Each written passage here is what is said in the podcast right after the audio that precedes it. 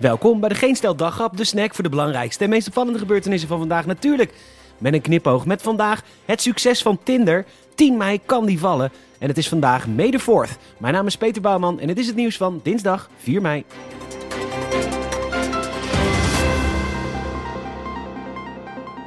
Je zou maar in de medicijnen zitten voor taaislijmziekte. In dit coronajaar, dan heb je echt werkelijk alles tegen.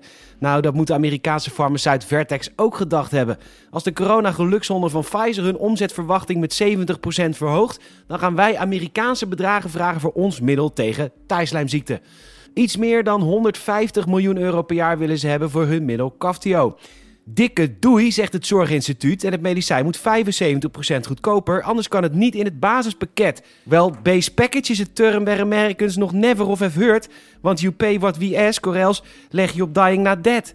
Volgens de NOS adviseert het Zorginstituut dus om te onderhandelen voor een veel lagere prijs. Sterker nog, voor alle zogenaamde CFTR-modulatoren en bij voorkeur in Europees verband. Ja, want voor 750 miljoen Europeanen konden ze al perfect onderhandelen voor vaccins kun je nagaan hoe dat kunnen doen voor 1400 Nederlanders die aan de ziekte lijden.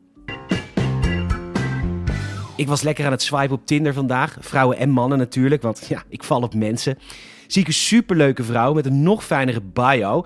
Wereldburger, festivalverslaafd, speciaal biertjes, katten geen honden, VK's, gewoon een drankje doen, pakfietsrijder, de vegetarische slager, de enige slager en ik ben gewoon lekker gek. Heerlijk mens, blijkt het Melinda Gates te zijn. Nog niet eens gescheiden van de man en nu al lekker aan het tinderen. Moet wel zeggen, ze swipte mij natuurlijk ook, uh, ook naar rechts. Maar goed, de match is inmiddels opgegeven, want ze begon gelijk over hoeveel ik nou verdien met het maken van podcasts en hoeveel hectare mijn appartement eigenlijk is. was redelijk ongemakkelijk. De tiende kan het gebeuren. Gegarandeerd 21 ton. Aan ruimteschroot wel te verstaan, want de Chinezen zijn de controle over hun raket volledig kwijt. Op 29 april presenteerden ze de Long March 5B-raket om een module van hun eigen ruimtestation in een baan om de aarde te brengen. Dat is gelukt, maar sindsdien is de begeleidende raket compleet stuurloos en die is op weg naar aarde. Hij gaat op dit moment 27.600 km per uur in een baan om de aarde en hij daalt gestaag. Waarom dit nu met een Chinese raket gebeurt? Nou, de meeste landen hebben een afspraak met elkaar dat ze geen voorwerpen zwaarder dan zo'n 10 ton mogen laten terugkeren, zodat het ruimteafval gewoon in de dampkring ja, verdampt. De Chinezen doen niet mee aan uh, deze afspraak. Rond 10 mei komt het puin naar beneden en de kans is groot dat dit in het water zal zijn, want ja, 71% van de aarde is water. Maar volgens experts kan er ook puin vallen in New York, of Madrid, of Peking, of Chili, of Nieuw-Zeeland. Nou ja, experts kunnen dit niet voorspellen. Sterkte aardelingen de komende tijd. De eerste verdachten van het tussen aanhalingstekens GGD datalek hebben vandaag hun eerste zitting gehad in de rechtbank van Utrecht. De ex-GGD-medewerkers hebben van ongeveer duizend mensen persoonsgegevens gestolen en mogelijk verkocht.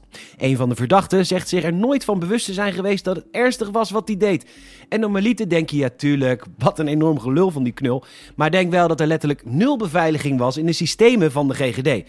En dus zocht hij zo gemakkelijk de gegevens op van bijvoorbeeld burgemeester Abu Taleb van Rotterdam. Oh, en hij verkocht een adres van een BN'er voor 50 euro.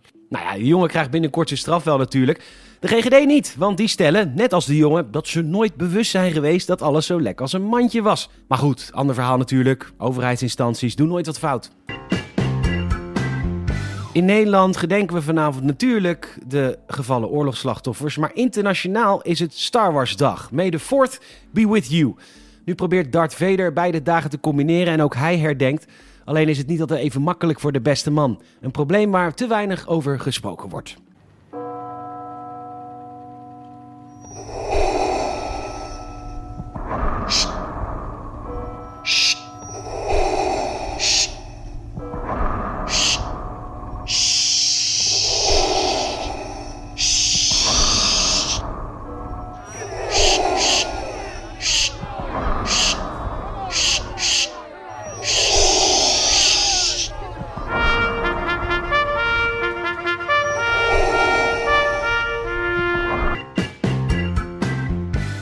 Bedankt voor het luisteren en we zouden het enorm waarderen als je een vriend of vriendin vertelt over deze podcast. En ook een Apple Podcast review zou je ons echt enorm blij mee maken.